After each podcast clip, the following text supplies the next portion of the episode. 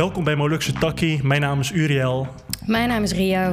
En Molukse Takkie is eigenlijk uh, de podcast over de Molukse cultuur, uh, het eten niet te vergeten. En uh, we nodigen iedere week een speciale gast uit. en nu hebben we ook een, een leuke gast, bijzondere gast ook. Een gast die we misschien allemaal ook al een beetje kennen, net zoals Uriel. Zeker, ze heeft een hele herkenbare stem. Um, zou je jezelf willen voorstellen? Ja, ik ben Joël Brentgen. Uh, ik ben 27 jaar en ik kom uit Den Bosch. Hoi Joël, welkom, hi. welkom. Welkom hi, hi. bij deze takkie. Gezellig, ik heb er zin in. en uh, een vraag die we altijd stellen aan onze gasten is namelijk... ja, van wie ben jij? Mijn moeder is van Taihutu. Uit Venlo. yes, dus, dus jouw moeder is uh, Molux. Mm -hmm. um, Mijn vader is Duits. Je vader is Duits. Uh, en zou je misschien uh, ook de namen van je opa en oma uh, erbij kunnen ja. halen? Opa Anton en oma Trus. Tehutu Tehutu, ja. Tehutu is ook wel een herkenbare achternaam. Zou je iets kunnen vertellen ja. over je opa en oma? Want jouw opa, ik ken toevallig natuurlijk jou en jouw familie. Mm -hmm. opa Anton is van Tehutu. En hij was een van de jongere mensen ja. die in de jaren 50 deze kant kwam. En die is hier in Nederland was met jouw oma getrouwd. Die zat niet op die boot. Nee. nee Waar oma komt zat... oma Truus vandaan? oma Truus komt uit Blerik, officieel. dat is een Nederlandse vrouw.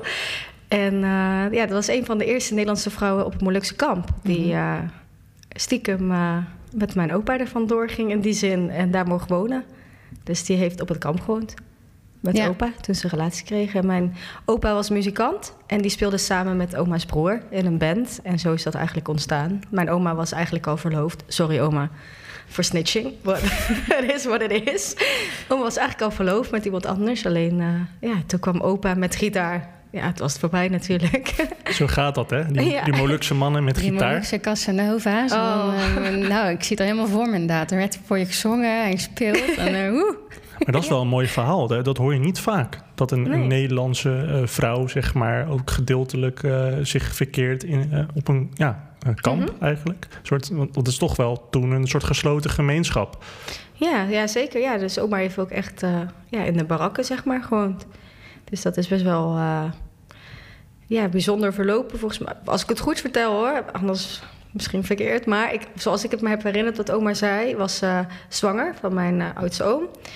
En uh, toen moest ze uit huis, zeg maar. Omdat ze natuurlijk niet getrouwd waren. En uh, toen is ze verhuisd naar mijn opa op het kamp. Oh, wauw.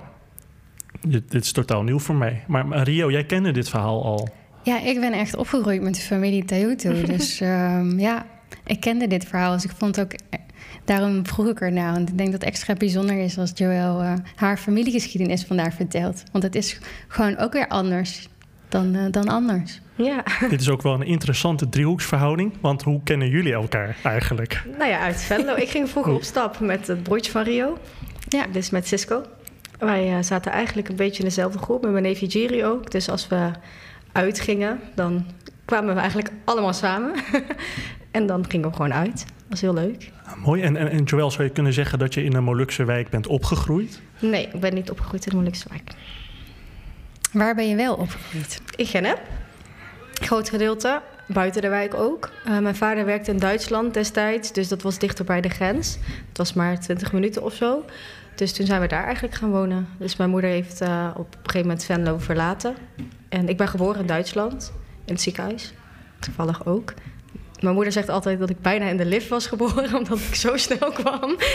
maar in Duitsland ben ik geboren en uh, we hebben heel lang in Gennep gewoond. En nu uh, wonen mijn ouders alweer uh, een x aantal jaar terug in Venlo-Zuid. Dus, mijn Back moeder, to the roots. Ja, mijn moeder had wel zoiets van, ja, ik wil terug, zeg maar. Ik, heb, ik wil gewoon terug naar mijn familie en naar oma, naar, naar haar moeder natuurlijk. Dus. En um, Joël, ben jij zelf zeg maar van de derde generatie of van de vierde generatie? Vierde. Kan je daar wat meer over vertellen? Want hoe, hoe verloopt dat? Wanneer ben je bijvoorbeeld een vierde generatie? Ja, ik denk dat je dat gewoon moet tellen, toch? Op de manier waarop ze hier zijn gekomen. Dus mijn opa is met de boot gekomen. Dus dan, die is twee, want die is samen met zijn ouders gekomen. Dus zijn ouders zijn één, heb je opa is twee. Dan heb je mijn moeder is drie en dan kom, kom ik. Dus dat is vier. Dus wij zijn vierde generatie. Je bent ook denk ik de eerste vierde generatie die we nu op deze podcast ja, wilde uh, ik hebben. Net zeggen. Ja, ik wil sowieso een SO doen naar de vierde generatie. Moet van Miguel. Miguel, deze is voor jou. Miguel Keidel. Miguel Keidel, welkom bij Phonics. Yes, ook van de vierde generatie inderdaad. Ook, ja. En um, op het moment als je dan dat bijvoorbeeld zegt, hè, dat je van de vierde bent, mm -hmm. uh, wat voor reacties krijg je eigenlijk uh, daarop? Nou, ik, ik heb überhaupt al als ik zeg van ja, mijn moeder is moeilijk, dat mensen me wel even twee keer aankijken. Zo van hè? Oké. Ze zien wel dat ik niet helemaal Nederlands ben, maar ik word heel vaak ook bijvoorbeeld Marokkaans geschat, of Turks of Italiaans. Of... Het is echt hetzelfde dat iemand zegt: Ah, oh, je bent Moluku, maar zeg maar Bangsa's zien dat wel. Ze zeggen van, eh, ja, oké, okay, bent ook Molukse, hè? En zeg ik, mhm. dan... Ja, je lijkt echt op je moeder. Ja, wij zijn twee drosten. En op Jerry. Ja. Ik, altijd overal hoor ik, bijvoorbeeld ik werk in de muziekindustrie, dus ik hoor ook altijd van, uh, wow, je lijkt echt op een keel. En dan denk ik, daar gaan we. En dan zeg ik, ja, dan denk ik, bedankt, ik lijk op een man, bedankt. En dan zegt ja. ze, ja, Jerry toch? Ik zo, ja, is mijn neefje. dus we hebben wel een typisch gezicht, denk ik, allemaal. Ja. Nee, de Toyotas die haal je eruit uit duizenden. Ja, echt waar? Ja, mij hoef je ze echt niet... Uh, ik kan bijna blind. Ze praten ook allemaal hetzelfde. ja. Ze hebben een bepaalde slag van, van spreken. Ze zijn allemaal gevat. En uh, ze zijn totaal niet op een mondje gevallen. Dus dat, uh, ja, dat haal je er uit duizenden uit. Ja, goede genen, zeg ik maar.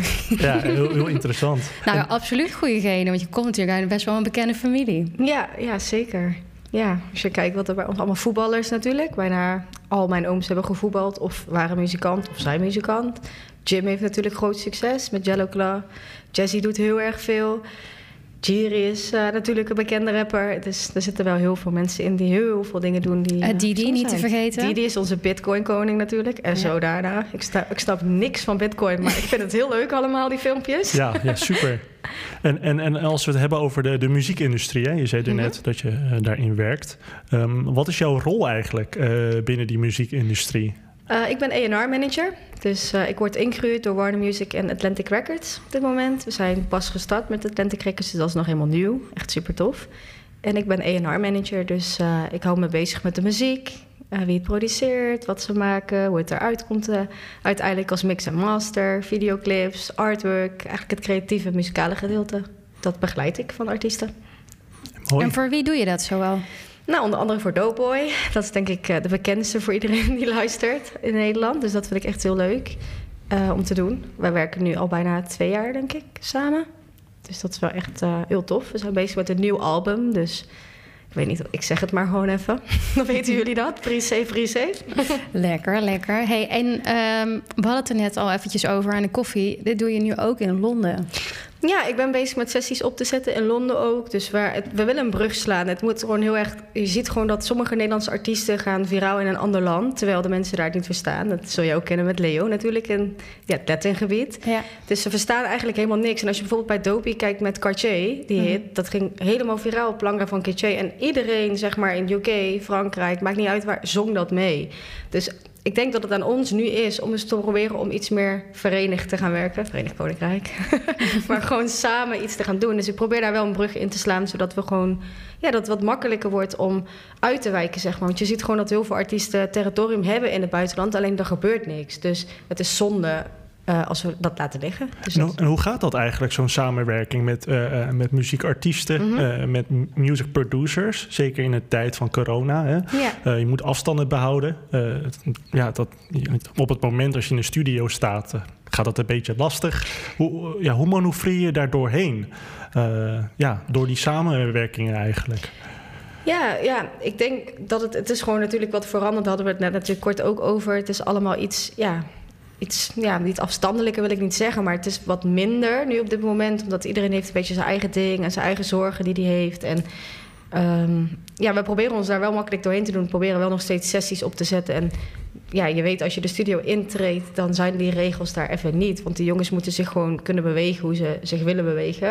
We kunnen moeilijk zeggen, oké, jij tape nu je verse en iemand wil daar bijspringen. Ja, dan kunnen we niet zeggen, jij moet nu zes meter naar achter. Dat is niet echt hoe we werken, maar we proberen natuurlijk wel op te letten dat we ja, de richtlijnen in de gaten houden. Maar het is af en toe wel een beetje moeilijk. Even binnen die lijntjes kleuren en af en toe misschien uitschieten. Heel af en toe. Of de radar gaan eventjes snel. Rio, herken je je daarin? Ik bedoel, jij, jij werkt in dezelfde industrie eigenlijk uh, als ja. Joël. Ja, ik heb dan een, een, andere rol. Ik ben natuurlijk geen ENR, ik ben artist en projectmanager. Dus ik kom op voor de belangen van mijn artiest, voor Busy. En uh, wij doen daarnaast van allerlei projecten. Dus daarom hebben we dat projectmanagement genoemd. Hè. Busy uh, belegt veel en onderneemt. En die projecten die ondersteun ik ook organisatorisch. Dus ik ben veel meer het, de, de spin in het web. Je hebt de artiest als de basis. Nou, daar kom ik zeg maar als eerste cirkeltje omheen. En vanuit ons twee communiceren wij met label. Onder label heb je weer een aparte projectmanager, een Joel, dus een ENR. Uh, je hebt je publishing, uh, je hebt je boekers. En we hebben dan weer een Nederlandse boeker. Want Busy heeft natuurlijk voornamelijk Nederlandstalig, maar exact datzelfde, die crossover. En wij ook heel erg met uh, internationaal, want Traag is natuurlijk gewoon een wereldwijde hit. En Ewa ook. Mm -hmm. uh, dus daarmee hebben we weer dan buitenlandse boekers. We hebben zelfs een Belgische boeker, omdat het ook weer een vak apart is. Mm -hmm. Shout-out Ken. SO. SO. Nou, dan moet ik iedereen zeker gaan noemen, anders krijg ik ja. op mijn donder. Ja, nee, maar um, zo... Um, daar zit ik weer in, in dat hele spinnenweb van, uh, van de muziekindustrie. Maar het, zeker herken ik dat. Corona heeft natuurlijk heel veel goed in het eten gegooid. Sterker nog, die allereerste dag dat echt Trump, zeg maar officieel de VS dichtgooide, was ergens rond 12 maart of zo. Zat Leo in het vliegtuig ergens boven Miami en die daalde bijna. En toen was het, komt hij er nog wel in? Daarna was de vraag, komt hij er nog wel uit? Ja, het was heel heftig. En toen dachten we nog, nou, Hopelijk is het volgende maand voorbij, want dan is het Koningsdag en dan willen we weer gaan toeren. We hadden al bussen geregeld, ja. alles. Nou, dat was wow. natuurlijk de grap van het jaar. Alles lag stil. Ja, ja het is lastig, onze, onze core business is shows doen. Daar deed hij daar zo'n 300 tot 320 van per jaar. Ja. Dat is heel heftig als dat wegvalt. Wat doe je dan? En dan ga je wel weer opnieuw uh, zoeken naar nieuwe mogelijkheden. En uh, in, de muziek, in het muziek maken was het ook zeker zo dat heel veel producers zich, met name dan, en zeker ook artiesten, trokken zich terug.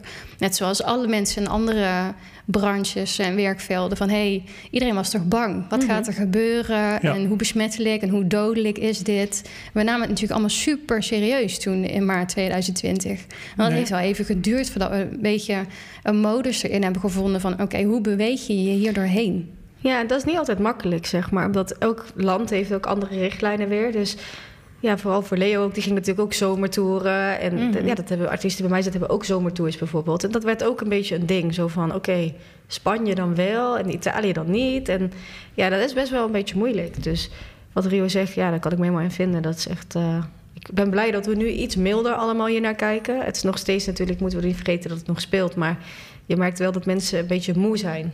De industrie is moe hiervan. En ik ben zelf ook moe. Als in, het is niet leuk om elke keer maar nee te moeten verkopen in heel veel situaties. Terwijl je het heel graag wil en het zou heel goed, goed zijn voor het profiel bijvoorbeeld van je artiest. Maar ja, je moet nee zeggen door de situatie die er speelt. Ja, en, en inderdaad, in, in zo'n lockdown-situatie, wat uitpuntend ja. is, vraag je soms je af: is er ook een lichtje of een sprankje hoop? Daar gaan we. En dat is ook ontstaan. Want. Um, hoop in donkere tijden. Jij kwam op het idee, of samen met een groep. Uh, mensen uh, met een Molukse achtergrond om uh, Molukse kwartiertje te beginnen op Clubhouse. Ja. hoe is Molukse kwartiertje ontstaan? Nou, eigenlijk om heel plat te zeggen heb ik gewoon Jay, ken ik heel goed, Jay Bong, zo een van de jongens. Ik zal eerst wel even vertellen met wie ik het doe, want dan hebben we een beetje een beeld. Jerrymo natuurlijk, poëet en dichter. Uh, Miguel, DJ, uh, Vanix, Nu.nl en heel veel meer dingen die hij doet. Museum Maluku ook. Museum Maluku ook niet te vergeten. En we doen het samen met, uh, met z'n vieren dus zijn we. Sorry, ik was heel even uit mijn Inderdaad, jij bent de vierde persoon. Ik ja? ben de vierde persoon. Ik moest even denken. Onder die jongens, nou? onder die jongens inderdaad. Ja? Maar ik ben het. It's me. Maar eigenlijk is het begonnen dat ik op een avond uh, had een Clubhouse gedownload. Omdat uh, mijn toenmalige vriend zei... oh, je moet kijken, iedereen zit te praten over van alles. En dat is leuk. Dus ik dacht, nou ja, oké, okay, we vervelen ons. We gaan het downloaden. En toen zag ik dat Jay ook lid was, Bongso. En toen had ik hem app gezet. Ik zo, hey, zullen we morgen gewoon een beetje praten of zo? Hij zei, oké. Ik zo, ja, misschien kunnen we een soort Molukse room. Want ik zag dat er heel veel Surinaamse rooms waren. Echt heel veel rooms waren er van heel veel cultuur en afkomst. Toen dacht ik, waarom hebben wij dat niet? Zo van, we hebben, kunnen ook met elkaar praten, toch? Op dit platform. En toen is het eigenlijk zo ontstaan. En toen hadden we zoiets van, zei Jay van, ja, oké. En toen zei ik, uh, nog meer mensen vragen. En toen dacht ik, oké, wie kan er heel goed praten... en kan heel goed, zeg maar, het gesprek leiden? En toen dacht ik, Jerrymo, dan. Toen heb ik hem een berichtje gestuurd en hij zei: Oké. Dus dat was voor mij ook al oh, de tweede persoon die meteen zei: Ik ga wel met jou hier mee in dit rare plan van jou, s'avonds laat. En toen zei uh, Jay: zei, Laten we Miguel ook vragen. Je, hij is ook een beetje daarin bekend. Toen dacht ik: Ja, tuurlijk, kom maar. En toen zijn we eigenlijk met z'n vieren gewoon die room ingegaan zonder iets met elkaar te bespreken. We hebben, ik zei laten we het moeilijkste kwartiertje noemen, omdat wij allemaal te laat komen natuurlijk altijd. dat is een beetje een ding. Dus toen zijn we eigenlijk gaan praten. En de eerste keer liep eigenlijk zo goed dat we al 200 mensen hadden in die... En wij wisten eigenlijk helemaal niet wat we aan het doen. Wij wouden gewoon praten. Jullie kenden elkaar ook niet, hè? Ja, ik kende Jerrymo en Jay wel. Ja. Maar Miguel en ik kenden elkaar bijvoorbeeld helemaal niet. Terwijl we wel in dezelfde industrie werken, in de muziek. Dus dat was ook altijd dacht van... Oh, oké, er zijn dus superveel mensen die je niet kent. Maar ja, waar je misschien wel eens aan je netwerk bijvoorbeeld aan kan hebben. Of in ieder geval goed om te leren kennen. En zo zijn we eigenlijk begonnen. En ja, vanuit daar zei iedereen van... vroeger van, zullen we het nog een keer doen? Want het was echt super chaotisch. One mic, one mic was het de hele tijd, zeg maar. Iedereen raise your hand, raise your hand. Ja, als je wil praten. En toen gingen we eigenlijk een beetje brainstormen van... ja, misschien moeten we hier iets mee doen, want er is gewoon vraag naar. En misschien moeten we daar gewoon uh, erkenning toe geven. En toen hebben we wat topics bedacht, echt elke week. En dat hebben we negen weken, uh, nee, tien weken hebben we het volgehouden om dit te doen.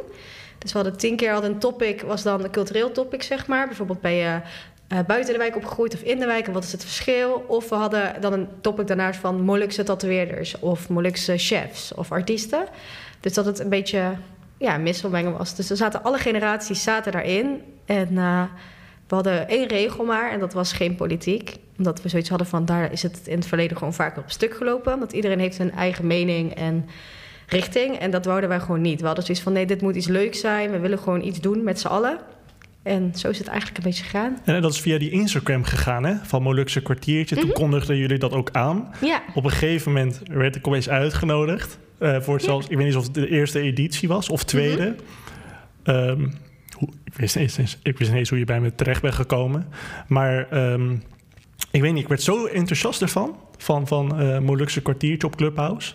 Omdat je zoveel verschillende perspectieven hoorde. Maar ook heel veel mensen die uh, ja, op dezelfde manier uh, kijken naar hun Molukse identiteit. Mm -hmm. ik kan wel zeggen dat het baanbrekend was. want de gevolgen daarvan hebben toch er wel voor gezorgd dat mensen elkaar gingen opzoeken en connecten. creatives onder elkaar. Mm -hmm. en dat ook er steeds meer zichtbaar was. Zichtbaarheid van wie zit er in die Molukse gemeenschap? Wat mhm. voor creators, wat voor jongeren zitten daarin? Ja, vooral van de volgende generatie. Het heeft echt een soort... Eh, de sneeuwbal heeft een lawine veroorzaakt, zeg maar, aan verbinding. En dat is echt super tof. Er zijn zoveel mensen die, uh, die naar voren zijn getreden. En dat is natuurlijk ja. het comfort misschien ook wel. En de anonimiteit van je eigen huis kan zitten. En je werd wel naar boven gehaald. En dat is ook al een beetje spannend. Maar dat is niet zo groot als uh, jezelf presenteren op een tv of uh, voor een radio. Dus wat, daarin is het natuurlijk super laagdrempelig geweest. Ja, dat is zeker waar. Voor onszelf ook. Want ja, zoals jullie weten vind ik het heel fijn achter de schermen. En is voor de schermen niet echt voor mij. Dus voor mij was het ook makkelijk om via mijn telefoon gewoon dit gesprek te leiden en te doen. Omdat ik hoefde niet, niemand zag me ook. Ik kon gewoon mijn pyjama, met mijn bril op, whatever, gewoon dat doen. En dat vond ik heel relaxed. En, uh, maar ja. bracht het ook veel druk met zich mee? Want uh, het ja, we hebben het over 200 mensen die in zo'n kamer komen. Dat betekent ook 200 verschillende meningen. Ja. Om de week een nieuw onderwerp. Mm -hmm. uh, dan ga ik vanuit dat jullie dan op een zondag of zo samenkomen. Of, of op Zoom. En dan met elkaar bespreken wat is het volgende onderwerp. Het, mm -hmm. Want het begint opeens bigger te worden dan live. Echt, echt een soort merknaam. Ja. Uh, wat, wat, deed dat eigenlijk met jou en, en met de mensen waar je mee samenwerkte? Ja, we hadden het eigenlijk niet zo verwacht dat het zo snel zou lopen. En um, uh, wat we eigenlijk deden, we hebben natuurlijk allemaal onze banen nog en studies en alles daarnaast. Dus het was best wel een beetje chaotisch voor ons. Dus hoe we het eigenlijk aangevlogen hadden, is dat ik gewoon de topics maakte. En dan checkte ik met hen van ja, het zo doen? Of wil je iets veranderen? Of willen jullie dit? En soms zeiden ze van... Hey, kunnen we deze week bijvoorbeeld uh, fotografen uitnodigen? Even als voorbeeld. En dan zei ik, oh ja, dat is goed, dan doen we dat. Zeg maar, als je daar veel mensen in kent, let's go. En zo eigenlijk sparden we gewoon heel veel. Een groepsapp hebben we nog steeds. Waar nu heel veel memes in komen de hele dag. Maar voorheen was dit wel een serieuze groepsapp. En daar spreken we, het vragen we gewoon door van oké, we gaan beginnen. En meestal een kwartiertje voordat we begonnen, waren we al even online. Gingen we even met elkaar doornemen van hé, hey, oké, wat gaan we doen? En uh, wie gaat het leiden en hoe gaan we het aanvullen? Want op een gegeven moment hadden we best wel veel sprekers. En dan, ja, ik, ik vond het wel leuk om met iedereen zeg maar dit te doen. Maar op een gegeven moment dacht ik, oké, Jerimo en Miguel, jullie moeten ook even erin en Jay. Dus dan verdeelden we dat een beetje zo van... Tijdens zeg maar Teacher waren wij aan het app van... joh, kan iemand mij overnemen, want ik moet even plassen of zo, weet je wel. Dus dan, dat was ook wel heel handig dat we dat gewoon konden doen. Ja, inderdaad, dat jullie elkaar die ruimte geven. Uh, ook, ook om het gesprek te leiden. Ja. Um, maar merkte je ook, ook zeg maar, daaraan een soort van uh, ja, negatieve kant? Want, want ik denk dat het, mensen verwachten wekelijks een bepaalde kwaliteit, mm -hmm. bepaalde gesprekken. Uh, ja, het is gewoon moeilijk om, om die kwaliteit te behouden, lijkt mij. Omdat je hebt het over meerdere personen die spreken. Mm -hmm. uh, merkte je daardoor ook dat dat het soms dat je ook een soort van kritiek kreeg uh, daarop. Ja, zeker. Uh, ja, ja. Dus er zijn wel wat momenten geweest dat we dachten, ja, wij proberen maar. Zeg maar. We hebben ook niet alle antwoorden. We zijn dit gewoon spontaan gestart. Dus Precies. We, we doen wat, wat we hebben en daar doen we het mee, zeg maar. En we proberen het zo leuk mogelijk voor iedereen te maken. Alleen, je kan niet altijd iedereen tevreden houden. En ik denk, op een gegeven moment, er was een oudere generatiegroep die een beetje moeite had met hoe wij dingen aanvlogen, dat we niet over politiek praten. En daar zijn we wel heel duidelijk meteen over geweest, ook met statement op Instagram van eh, leuk, kritiek, maar wij doen het wel hoe wij dit willen. Want er is een reden, en het is geen sneer, maar er is een reden dat in, de, in het verleden niet is gelukt door mensen met elkaar te praten. En wij willen het gewoon zo luchtig houden dat letterlijk iedereen zich hierin kan vinden. En um, ja, ik, ik, denk dat, we, dat, dat die kritiek was wel op een gegeven moment dat we zoiets hadden van ja, wat moeten we hier nu mee? En moeten we hierop reageren? Moeten we dat niet? Um, toen hebben we toch besloten om die post toen destijds te doen. En dat heeft denk ik ook wel een beetje in ons hoofd allemaal een punt gezet. Zo van, misschien moeten we even stoppen ook. En dat is wel heel jammer. Want dat was, dat wel... was echt, het punt, dus dat jullie ik denk het wel. zijn opgehouden. Ja, wel dus zoiets van, ja, weet je... Als we, het was vrij heftige kritiek die we kregen... dat we echt zoiets hadden van, wow, we proberen, weet je wel. En hoe werd dat geuit dan? Werd dat via WhatsApp gedaan of telefonisch? Of nee, echt het mensen... werd ook niet aan ons verteld. Het ging via via en dat kwam bij ons. Oh, en er waren, er waren clubhouse rooms waarin er dingen besproken werden... over onze clubroom. En, dat, en als we een van ons erin kwam, was het stil. En dan dacht ik, ja dat is niet zo. Dat is niet de manier om dit samen te doen, weet je wel. Wij willen iets doen voor de generatie hiernaar en met ons, zeg maar met elkaar. En dus ik denk dat dat vooral voor mij had ik zoiets van ja, ik ben al niet zo'n spreker. En dat maakte wel echt een soort drempel daarnaar van oké, gaan we nog iets doen of niet? Want de oude generatie heeft hier niet zoveel mee, zeg maar, wat te doen. En heb je enig idee waar dan die verwachting vandaan kwam? Vanuit de mensen die daar dus kennelijk kritiek op hadden? Ja, zij vonden dat wij, denk ik, wat we terug hebben gehoord dan, uh, is dat we te luchtig over dingen waren. En dat we iets meer um, de politiek aan hadden moeten kaarten, omdat dat belangrijk was. En, maar ja, we hebben wel vanaf het begin meteen gezegd van dat is niet. Je mag je mening geven, maar dit, dit wordt geen ruzieveld of zo. Want dan krijg je in één keer weet iedereen tegen elkaar. En dat moet het niet zijn. En ik denk dat dat voornamelijk het was. En ze vonden uh, dat we de sprekers, dat, het, ja, dat we vrij jonge sprekers ook hadden, zeg maar in die zin, mm -hmm. de nieuwe generatie. Maar ja, dat was eigenlijk wel ook het doel. Zo van. Ja. Het is leuk om altijd over dezelfde mensen te praten die heel veel doen. En daar heb ik heel veel respect voor, want dat is heel belangrijk. Alleen er zijn ook een paar andere mensen die misschien heel veel dingen doen waar niemand iets van weet. En dat, daarin hadden wij zoiets van: laten we dat uitlichten, weet je wel? Dat we juist mensen ontvangen waarvan mensen denken: oh wow, ik, ik, ken hem van Insta of van vroeger bij Matrix at the Park, maar ik wist niet dat hij dit deed of dat doet. En dat was eigenlijk de insteek uh, wat het had moeten zijn. En het was jammer dat het een beetje zo liep. En ik denk dat dat een beetje lood in onze schoenen werd of zo. Ja, nou, ik, ik wil zeggen, Joel, ik ben super trots op jou. wat lief. En ook op, op de rest van de groep. Uh, het is natuurlijk niet makkelijk uh, om, om zeg maar zoiets te organiseren. Uh, waarbij ook het woordje Molux erin staat. want dan heb je het ook over een heel gemeenschap met verschillende meningen en verschillende perspectieven. ja, ik wil even wel voor je applaudisseren. Ja, want jij hebt zoveel betekend samen uh, met die jongens uh, zoveel teweeg gebracht. Zonder uh, Molukse kwartiertje was er ook bijvoorbeeld geen Maluku in balans. dat is die groep waar ik praat over mentale gezondheid. was mm -hmm. mede ook door Molukse kwartiertje zo ontstaan. er was geen landelijk Molukse monument campagnefilm. Dat is ook mede door Molukse kwartiertje ontstaan. En door de mensen die daar hadden gesproken. ik bedoel, ik wist niet eens van het bestaan van Sava Lyron af totdat ik haar hoorde uh, yeah. op Molukse kwartiertje. Um, dus eigenlijk is het gewoon een geweldig platform... wat heel veel kansen heeft gecreëerd en gegeven voor mensen. En, en daar mag je fucking trots op zijn. Ja, daar mag je zeker trots op zijn. Het heeft zoveel uh, visibiliteit gegeven gewoon aan, uh, aan de nieuwe generaties. En, en daarin heb je dan dus wel gewoon je doel bereikt. Ja, en dat denk ik ook. Dat, dat, we zijn ons doel ook niet voorbij gegaan of zo. Dat was ook wat we wouden. En ik denk dat voor ons het ook belangrijk was dat ongeacht of jij 2%, kwart, half, vol, whatever bent, maakt niet uit de achternaam of geen achternaam, jij bent Molux, snap je? Als in, ook zie je het niet aan je. Mijn zus is bijvoorbeeld blond met blauwe ogen, maar toch is zij Molux. Want het zit in haar aderen, snap je? Het stroomt er doorheen. En ik denk dat dat een hele belangrijke les is voor iedereen om, om te weten. Vroeger werd er heel nee, is halfbloedje. Mm, is niet helemaal, snap je? Er was best wel een verschil in. En ik heb zoiets van, ja, dat, ik denk niet dat dat nodig is. Ik denk dat je bent wat je voelt. En of jij dan de achternaam hebt of niet, ja, whatever, big deal. Weet je wel? Dat, dat was ook eigenlijk ons, ons doel ook een beetje om zo te kijken van...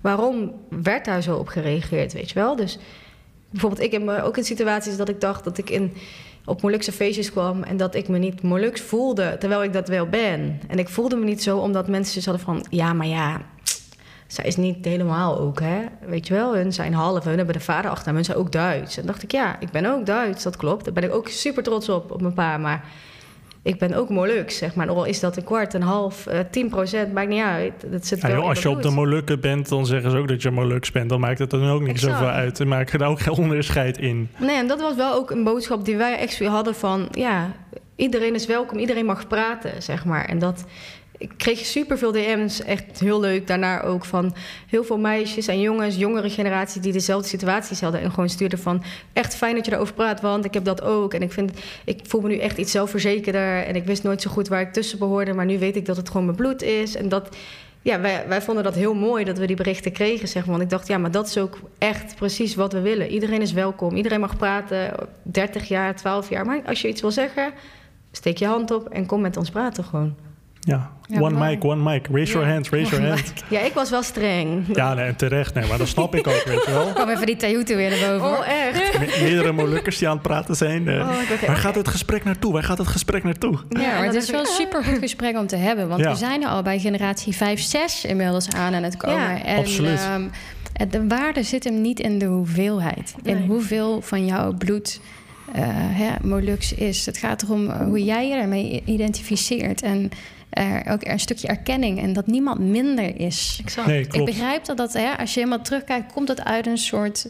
Uh, nou ja, de ontworteling en ontwrichting van onze nou ja, ja. Uh, overgrootouders, zelfs en onze grootouders, uh, die hier zichzelf staande moesten houden. Dus dan ga je een front vormen.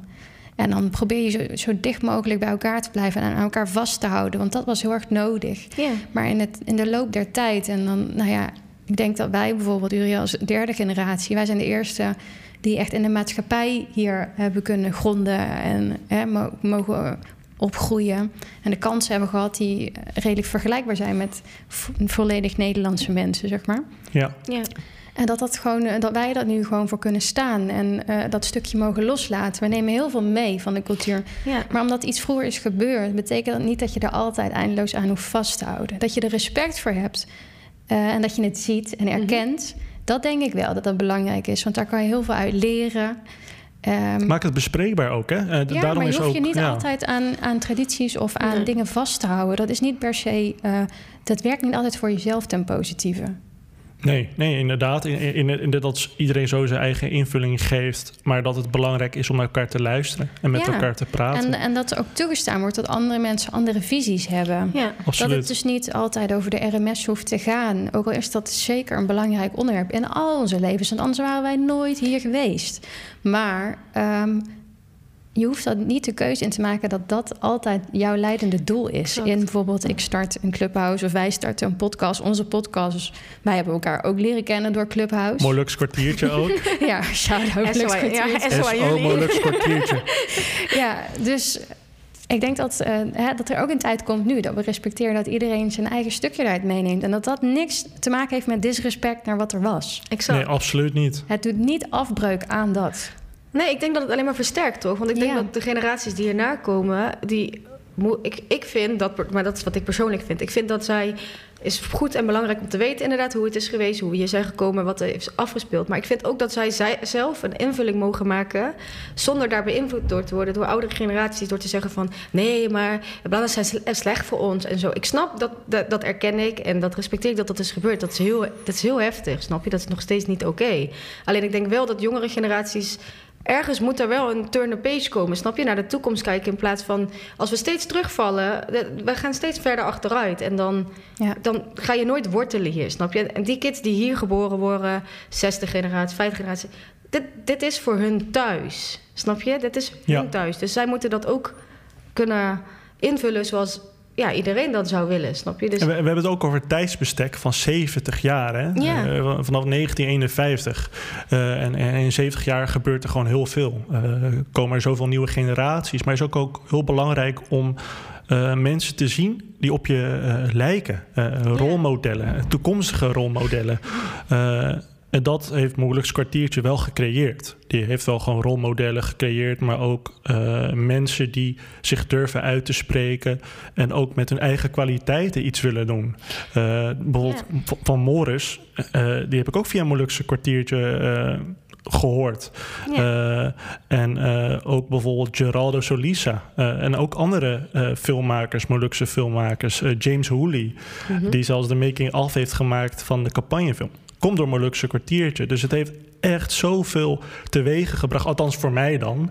Maar ik denk ook voor andere mensen op hun eigen manier. Uh, dus dan is het, ja, dan is het ook wel, ja, ik vind het ook wel bijzonder dan dat jij even hier zit uh, en, en, met ons erover wilt praten, weet je wel. Want ja, want ik denk dat iedereen zich ook een beetje afvraagt. Ja, iedereen heeft zoveel vragen natuurlijk. Ja, ja. ja. kwartiertje, het was er ineens. Ja, en die goede oude tijd. Niet meer. En iedereen weet er wel wat van. Uh, een beetje vierde generatie, derde generatie. En wat nu? Ja, wat nu? Ja. daar, moeten we, daar kan ik nog niet heel veel over zeggen. Maar we zijn wel en bedenken wat we willen doen en hoe we dat vorm willen geven, zodat het voor ons alle vier lekker voelt, zeg maar. Dat, dat, dat is iets wat we heel belangrijk vinden. Zodat we ons allemaal wel goed hierbij voelen naast onze baan, alles wat we doen, onze levens. Dus we zijn aan het kijken wat we gaan doen. En uh, ik zie jullie allemaal in mijn DM. Dat wil ik ook even zeggen. En zo aan jullie. Met elke week uh, start je weer. Ik start nog niet, maar we beginnen wel weer binnenkort met iets. En uh, ik hoop dat we dat snel rond hebben met elkaar en dat we door kunnen. Iets in ieder geval gaan doen. Ik, ik zag iets, maar ik weet niet of dat het ook is. Ja, bij Museum Maluku. Mm -hmm. uh, een soort podcast of zo. Ja, dat was de vierde generatie. Ja. We gingen een tafelgesprek hadden met de vierde generatie. Dus dat was wel echt heel cool. En met de oude generatie over muziek. En we hebben heel veel onderwerpen aangekaart. Maar dat is niet Molukse kwartiertje? Nee, dat was niet Molukse kwartiertje. Dus dat is echt iets van Museum Maluku. En dat was, uh, ja, was heel tof. En dat, je weet toevallig ook wanneer dat online komt of naar buiten Nou, dat weet ik nog niet, Miguel. Ik hoop dat je ergens bent. Comment section. Alsjeblieft, help de mensen. Comment, comment. Comment, please. Help me out. Maar nee, dat weet ik niet wanneer dat online komt. Maar los daarvan hebben we ook duo-interviews gedaan. Dus dat heb ik ook met Miguel gedaan. Onze eerste stond, denk ik, twee weken geleden online. Dat ging over uh, Lars Snars, over zijn artwork. Echt heel cool. Dus dat was ook wel tof. Die dus. Kain Kabaya, toch? Uh, dat uh, kunstwerk. Nou ja, ja precies. Die, Als nee, ik het goed zeg. Ja, hij heeft allemaal die dingetjes getekend natuurlijk. Dus hij heeft verschillende. En wij moesten dan... Wat het idee was, is dat je een doek eraf trekken. Wij wisten niet wat eronder zat, zeg maar. Miguel ja. en ik zaten daar gewoon. En ik dacht ook, Miguel en ik, dit is weer verdoemd te mislukken. Snap je? Wij maken alleen maar grapjes en lachen. En we zitten alleen maar elkaar te sarren heel de dag. Dus ik dacht, nou, die gaan we... En toen trokken ze dat eraf. En wij alle twee, wow, ja, helemaal blij omdat we dat herkenden. We hadden echt zoiets van... Wij gingen erin met... Ze zei ook, je kan niks voorbereiden, want je weet niet wat het is. En wij mhm. hadden altijd zoiets van... Oh mijn god, dan gaan ze ons allemaal dingen vragen. Wij weten niks. Zitten we hier verschut, weet je wel. Maar eigenlijk is dat niet verschut. Want we kwamen er gewoon achter dat heel veel generaties... heel veel dingen niet weten. En iedereen heeft een, andere, een ander verhaal over iets bijvoorbeeld gehoord. Andere tradities ook. Dus we hebben er heel veel van geleerd, denk ik. En dat, dat vond ik ook wel leuk. Dat we gewoon uh, een soort van vragend aan elkaar. Echt met elkaar waren we zo van, ja, wat zie jij dan? Oh ja, oh ja. Vind je dat mooi? Ja, vind jij het mooi? Ja, ik vind het wel mooi. maar ik denk ook echt dat het, sommige afleveringen van ons wordt ook echt heel grappig. We gaan ook helemaal off-topic. Het gaat echt over ik weet niet waarover het ging, volgens mij een beeld of zo. En wij gingen helemaal naar muziek. dat ze oh, zeiden, hallo, even terug. we waren het helemaal kwijt. en als we het hebben van Museum Maluku naar Maluku zelf... Uh, ben jij ook ooit op de Molukken geweest? Nee, maar ik wil wel heel graag... Het stond eigenlijk op de planning vorig jaar. Uh, ik ga graag naar Bali. Dus ik dacht, dan plak ik dat eraan vast. Ga ik eerst naar de Molukken en dan ga ik door naar Bali. Alleen, uh, ja, lockdown. Dus en was je alleen uh, van plan om te gaan? Ja, ik was wel alleen van plan te gaan. En uh, mijn moeder vond dat wel oké. Okay. Niet, Ze zei wel, ik heb liever misschien dat er iemand meegaat. mijn zus heeft die drang niet op dit moment. Hij heeft ook een kleine, dus zij heeft zoiets van... ik wil even wachten ook dat hij iets groter is. Dus een van mijn ooms, Leon, en zo aan jou, hele goede basgitarist, die, uh, die wou wel met me mee, want die is al vaker terug geweest. En mijn papa Arnie, zeg maar Silvio, die is overleden, een x-aantal jaar geleden. En eigenlijk hebben wij van tevoren afgesproken om samen terug te gaan, want hij ging elk jaar. Alleen dat is er helaas niet van gekomen. Dus voor mij was die drempel best wel hoog, omdat dat iets was wat wij met elkaar planden, zeg maar. Ik sliep heel veel bij mijn oma vroeger in huis. Toen we in Gennep woonden, was ik eigenlijk altijd in Venlo. En uh, Silvio woonde daar, mijn Annie. En uh, wij Hoe was dat dan, bij, bij je oma, zeg maar, slapen? Oh, geweldig. Ja? Ja, bij oma is altijd leuk. Alles mag, alles kan. Oma was, mijn oma is de liefste vrouw van de wereld. Sorry mam, jij ook, maar oma wint het gevecht wel. dus mijn oma is heel leuk en gezellig. En, Heeft ze ook veel verhalen verteld over de Molukken? Of, uh... Ja, best wel. Maar ik merk wel dat bijvoorbeeld als ik met mijn moeder ook wel eens erover heb... ik merk dat die generatie best wel gesloten is. Dus we moeten het echt blijven vragen en dan komt het vanzelf wel eruit. En is oma Truus ook wel eens geweest dan? Ja, oma is geweest met opa. Dat was heel leuk. Dus we hebben foto's thuis daarvan. En uh, laatst uh, vroeg ik aan oma... zou je nog een keer teruggaan? En toen zei ze... nou, dat weet ik allemaal niet hoor. en toen zei ik waarom? En toen zei ze... ja, met opa kon dat allemaal flexibel. Die man die hielp mij. Hoe moet ik dat doen met die rollator? Ik zeg, ja, nee, ja, dat snap ik. Dat is een beetje moeilijk misschien. Maar ja, oma is wel geweest, ja. Ze zijn... Uh, al geweest. En ik vind het wel heel grappig, want ik heb wel familie van de Molukken heb ik op Facebook en zo. Ja, ja en precies. Ze ja, sturen mij allemaal op, hè? Ja, ze sturen me foto's, zeg ja. maar, van een wand. Er is één wand bij een oom thuis op de Molukken en daar hangen, hangt mijn foto. Ja, die sturen ze op dan. Hè? Ja, mijn foto hangt daar. Van Facebook hebben ze die denk ik uitgeprint of zo. Het is ook echt een foto dat je denkt, nou, dat is niet echt een familieportret, maar die hebben ze opgehangen. Volgens mij is zelfs een foto van in de Jimmy Woo dat ik zo sta, zo, ik ben uit. En die hangt daar. En toen dacht ik, huh? toen zei ze, ja, we hebben jullie hangen en we weten allemaal precies wie jullie zijn. En dat is, ik vind dat super bijzonder. Want wij weten wel een beetje van familie daar en zo. Ik ben nog niet geweest, dus ik heb nog niet iedereen ontmoet. Maar ja, er blijkt ook een kindje te zijn die is vernoemd naar mijn Annie. Die heet ook Silvio daar. Die wil ik heel graag ontmoeten. Dat wil ik wel echt doen. Die is gewoon echt vernoemd naar hem. En dat vind ik wel echt heel bijzonder. Ja, dat is echt heel mooi. En, en, en spreek jij zelf ook de taal? Kan jij, kan jij uh, nee, ik kan, ik, nou, ik kan het wel verstaan. Vooral mijn moeder, als ze even boos is, dan weet ik wel precies. dan hoor je het wel, hè? Mm, dan weet ik precies waar we heen gaan. maar ik, ik, kan ook wel wat, ik kan me wel verstaanbaar maken, maar het is ook een stukje onzekerheid, denk ik, die ik heb. Want wij spraken gewoon Nederlands op school en thuis. En mijn vader is Duits, dus wij spraken ook Duits. Dus ik denk dat mijn ouders best wel bewust die keuze hebben gemaakt om gewoon even die twee talen voor te laten gaan. En op een gegeven moment kwam Engels op school, ik heb Frans gehad en dat was zoveel. En nu probeer ik dat wel echt te doen. Dus ik heb uh, die kleine kinderboekjes. I'm sorry, ik badge mezelf hier. Maar Welke heb... kinderboekjes? Ja, volgens mij heet het Moeka. En dat, dat kijk ik ook. Ik ben een kind. Dus ik lees dat ook een beetje, omdat ik het gewoon interessant vind. Om te, ik wil niet dat het verloren gaat. Dus ik ben me wel echt aan het oriënteren op. En um, met familie aan het praten die dat wel spreekt natuurlijk. En we proberen gewoon dat wel te doen. Maar ik denk dat bij ons in de familie, van al mijn neven en nichten, spreken wij allemaal een beetje. Ja. En niet veel. En vooral ook heel veel Venlo's. Ja, wij prot allemaal plat, hè? Ja, het is echt een dialect. Hè, we hebben echt een dialect. Ja. Komt denk ik ook dankzij oma Truus. Echt oma Truus. Ja. Ik denk ook, om heel eerlijk te zijn, dat dat hele felle en zo mm -hmm. van onze familie, dat, die op mondje, dat is oma Truus. Dat is niet opa. Dat is zwaar oma Truus. Zeg. Ja, dat heb ik gehoord, want die komt uit Genieën. Mm, oma is van Genieën, hè? dus ja. we hebben alle temperament van oma. dat is grappig, hè? Dus eigenlijk is het temperament, een verhaal spreken we erover, oh, dat is echt een Molukse temperament. Ja. En dat is stiekem gewoon bij jullie, het Genooise, Venloze, Limburgse. Ja, ik denk echt het felle is van oma en het koppige en nou, het arrogante af en toe, wat we allemaal wel hebben, is echt opa. Denk ik aan die kant. Maar de rest is echt oma. Oma heeft echt hele sterke genen. Ja, wel interessant om te zien hoe dat zo doorloopt. Hè? Hoe, yeah. Hoeveel invloed zo'n uh, opa en oma uh, hebben uh, op, op, de familie ook. Ja, want ik merk dat mijn zus heeft een kleine, en Daily.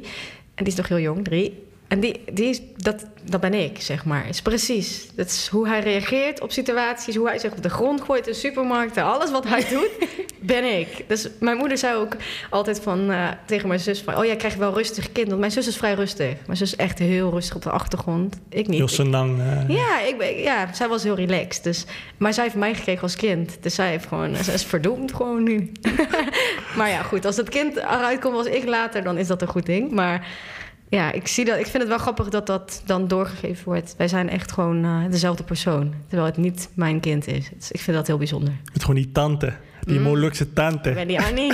Die feesttante ook. De kinderen van mijn andere zus noem ik haar. Zita is eigenlijk mijn nicht. Maar het is eigenlijk voor mij meer een zus. We zijn samen echt opgegroeid. Dus mijn allereerste feestjes waren met Sita.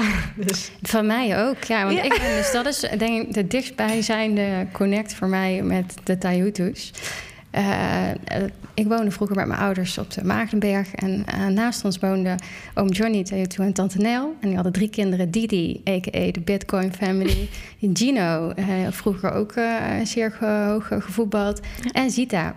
Zita was de jongste dochter. Dus dan krijg je snel de klik met mij. Ik heb echt letterlijk foto's van dat zij mij de fles geeft. Want zij was dan, zijn wij schelen twee, tweeënhalf jaar. Zij zat in haar poppenperiode toen ik kwam. Mamatje. Ja, absoluut. Echt een mamatje. En zo zijn wij uh, samen opgegroeid. En we gingen inderdaad samen stappen en stiekem sigaretjes roken. En uh, allemaal dingen doen. En op de scooter weg. En uh, nou, ik weet niet wat. We hebben echt de gekste tijden samen gehad. Maar dat was echt, ik was echt kind aan huis bij de familie uh, Toyota, bij mijn en, en Tante Nel.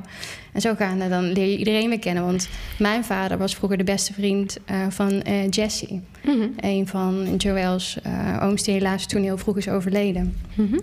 En daar heeft mijn vader het toen heel zwaar mee gehad. Want het was echt, ja. echt zo'n bloedbroeder. en hij heette Jesse Matthäus. Mm -hmm. En mijn broertje is naar hem vernoemd. Die heet Francisco Matthäus. Zo diep gaat het. ja, bijzonder. Ja. En, en, en hebben jullie vaak deze gesprekken met elkaar gehad? Of, of, is dit echt voor het eerst met de podcast? Mm, we hebben wel gebeld en we kennen elkaar wel ook van de stad vroeger. Maar ik zat gewoon een generatie daaronder. Dus ik was eigenlijk echt meer met Cisco, zeg maar, zijn broertje. Mhm. Dat was meer, zeg maar, uh, ja, dat was mijn link. Ik weet nog dat ik super verliefd op hem was vroeger. En zo is Cisco. Ja. We hebben gedate. Eén keer. Of familie worden. Maar liefst één keer. Woehoe. Ja, ja. ja, dan is het al aan, hè? Dat was aan. gewoon al op familie. Ja.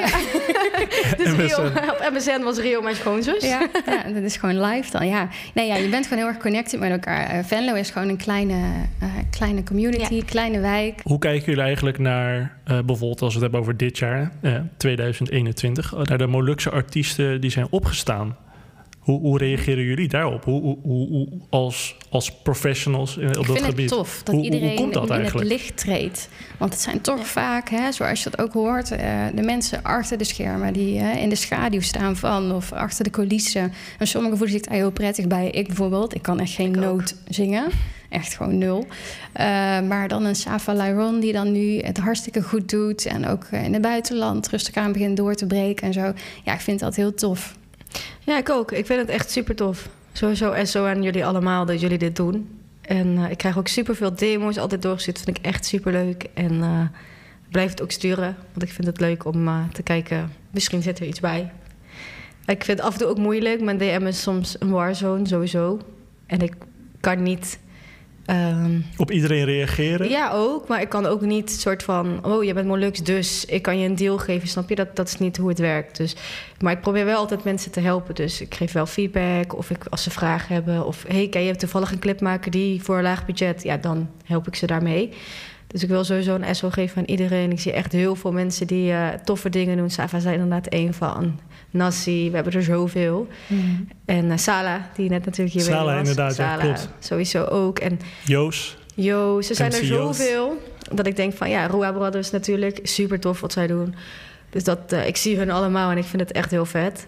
En ik hoop ook dat dat zo blijft. Als in, ik hoop dat mensen in het licht gaan treden wat Rio zegt. En dat ze dat claimen gewoon. Ja, en ook het idee bijvoorbeeld over het samenkomen. Ik denk dat, uh, ik weet nog dat er een soort schrijverskamp-idee mhm. was geopperd. Um, en dat is ook op een of andere manier toch wel is ontstaan. Uh, wat we yeah. hadden gehoord uh, van, van MC Joos. Ja, dat zijn toch ideeën waar mensen kennelijk allemaal mee lopen dat het dan toch wordt uitgesproken en mensen ook triggert om, om dat te doen en op te zetten. Ja, dus dus ja, dat heeft Molux kwartiertje toch ook heel veel mensen samengebracht. Uh, en zelfs indirect ook uh, featurings geregeld van artiesten samen met elkaar. Ja. Zonder dat ze dat uh, weten. Oh, daar heb ik wel eigenlijk een leuke vraag voor jou. Wat is jouw favoriete Molukse liedje? Oeh, ja, wat vind ik leuk. Ik mag natuurlijk nou niet zeggen van onze generatie. Ik wou Danjil natuurlijk zeggen, maar dat is niet echt een moeilijk liedje. Maar ik vind Gandong E vind ik heel leuk. Ik weet niet waarom, maar iets daarin maakte mij rustig. Dus om heel eerlijk te zijn, als ik stress heb van mijn werk... Ik heb ook een burn-out gehad, dat is wat jij hebt gehad, een paar jaar mhm. geleden. Dat liedje heeft heel veel voor mij gedaan. Terwijl, ik, ik, ik weet niet, ik denk dat dat maar ergens gewoon... Het is zo kalm en het is voor mij... Ik, ik voelde me daar heel fijn bij. Dus dat, dat is wel een heel bijzonder liedje voor mij. Dus ik weet dat ook van mezelf. En iedereen om me heen weet dat ook, dat dat liedje... Uh, voor mij heel veel waarde heeft gehad. Ook in die periode heeft dat me wel echt op de been gehouden. Dus dat is voor mij het bijzonderste liedje. En los daarvan vind ik natuurlijk Danjo heel leuk. Dus zo mooi. Say Girl, het zijn allemaal mijn nummers. die ik nog steeds luister. Gisteren nog gezongen in de keuken. Same, same. Ja, dus dat heb ik wel. Maar, dat zelfs de intro uh, geïnspireerd is op uh, een, een, track van Danjo, als ik het goed zeg, toch? Klopt. Ons intro liedje. Welke precies? Uh, volgens mij is het Goyang. Ja. Ja dat we ook mochten gebruiken. Ja, SO naar jou, Danjil. Ja, heel vet. Danjil. Terima kasih. Ik ben fan. Ja, fangirl. Italiaanse streetparty. Stond ik vooraan. Ik overal zingen. zingen. ik ken elke tekst. Danju, kom ook een keer even langs bij uh, Molukse Takkie. Uh, misschien uh, of je het... ja, je bent bij deze uitgenodigd. lijkt ons leuk. Ja, sowieso. Tof. Heel mooi. Hey, en Joël, mm -hmm. Molux zijn en Molukse identiteit. Wat, wat is dat voor jou? Voor mij, ja, voor mij is dat samenhorigheid ten eerste. Als in, we hebben een hele grote familie, zoals we net hebben benoemd. Mhm. En ik denk dat dat is voor mij echt de kern van Moluk zijn. Onze familie, hoe iedereen met elkaar is, hoe we praten, de muziek, het eten, ehm, de tradities die daarin zitten. En ik denk dat dat voor mij echt Moluk zijn is. En vooral, ik denk ook dat ik, voor mij is dat zo dat ik vind dat wij allemaal dat hebben georven, zeg maar. Als je dat zeg je dat zo georven? Is dat een woord? Geërfd. Is dat het woord? Ja, georven is volgens mij niet eens een woord, maar geërfd. dat is uh, daadkrachtigheid en doorzetten. Ik denk dat wij allemaal strijders zijn van binnen. En ik denk dat dat voor mij is de kern van moeilijk zijn. Niemand van ons geeft op, zeg maar. Dus het is echt één voor alle, alle voor één. Ook al zijn we soms niet met elkaar eens.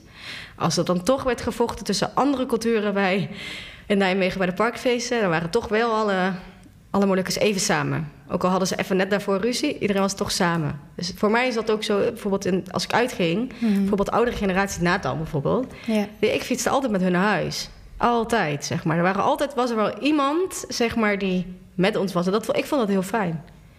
En ik denk dat dat ook moeilijk zijn is. Als in iedereen let op elkaar, je bent familie. Ook al is het niet helemaal bloed, je bent gewoon familie. En dat, dat, ja, ik vind dat heel bijzonder. En ook die nazorg, hè? Van, mm van stuur even een appje als je thuis bent. Uh... Je naar huis brengen. Ja, dat soort dingetjes gewoon. Dat, ik vond dat vroeger heel fijn. Ik denk ook dat dat voor onze ouders heel fijn is geweest. Ik mocht uh, in het begin alleen uit als ik met mijn neven was. Want Toch? ik zit er dan een beetje tussenin. Ik had dan Nathan en zo, daar ging ik mee uit. Ja, dat waren meer... Dat mocht dan, anders mocht ik niet. ja, ik had dan dat ik met sis uitging en dan waren Nathan en zo daar. Die moesten allemaal naar Venlo Zuid. En dan altijd om vier uur, weet ik broodje at nog? En dan zei ik, nou, oké. En dan zat ik achter op de fiets naar Venlo Zuid. SO Jerry, voor die tune ook. Maar ik zat achter op die fiets naar Venlo Zuid dan. En hij zet, en zette mij altijd af. Dus ook SO Nathan, bedankt daarvoor dat je mij altijd in gereel hebt gehouden. Ja, mooi. En, en, en een mooie afsluiter ook één voor alle, alle voor één eigenlijk. Hè? Dat we toch op die manier met elkaar verbonden zijn. En ook... Uh, ja, een beetje net als wat Geronimo uh, heeft gezegd. Uh, dat we gewoon ja, samen gewoon naar een hoger niveau uh, vliegen. Als we elkaar ook die ruimte bieden.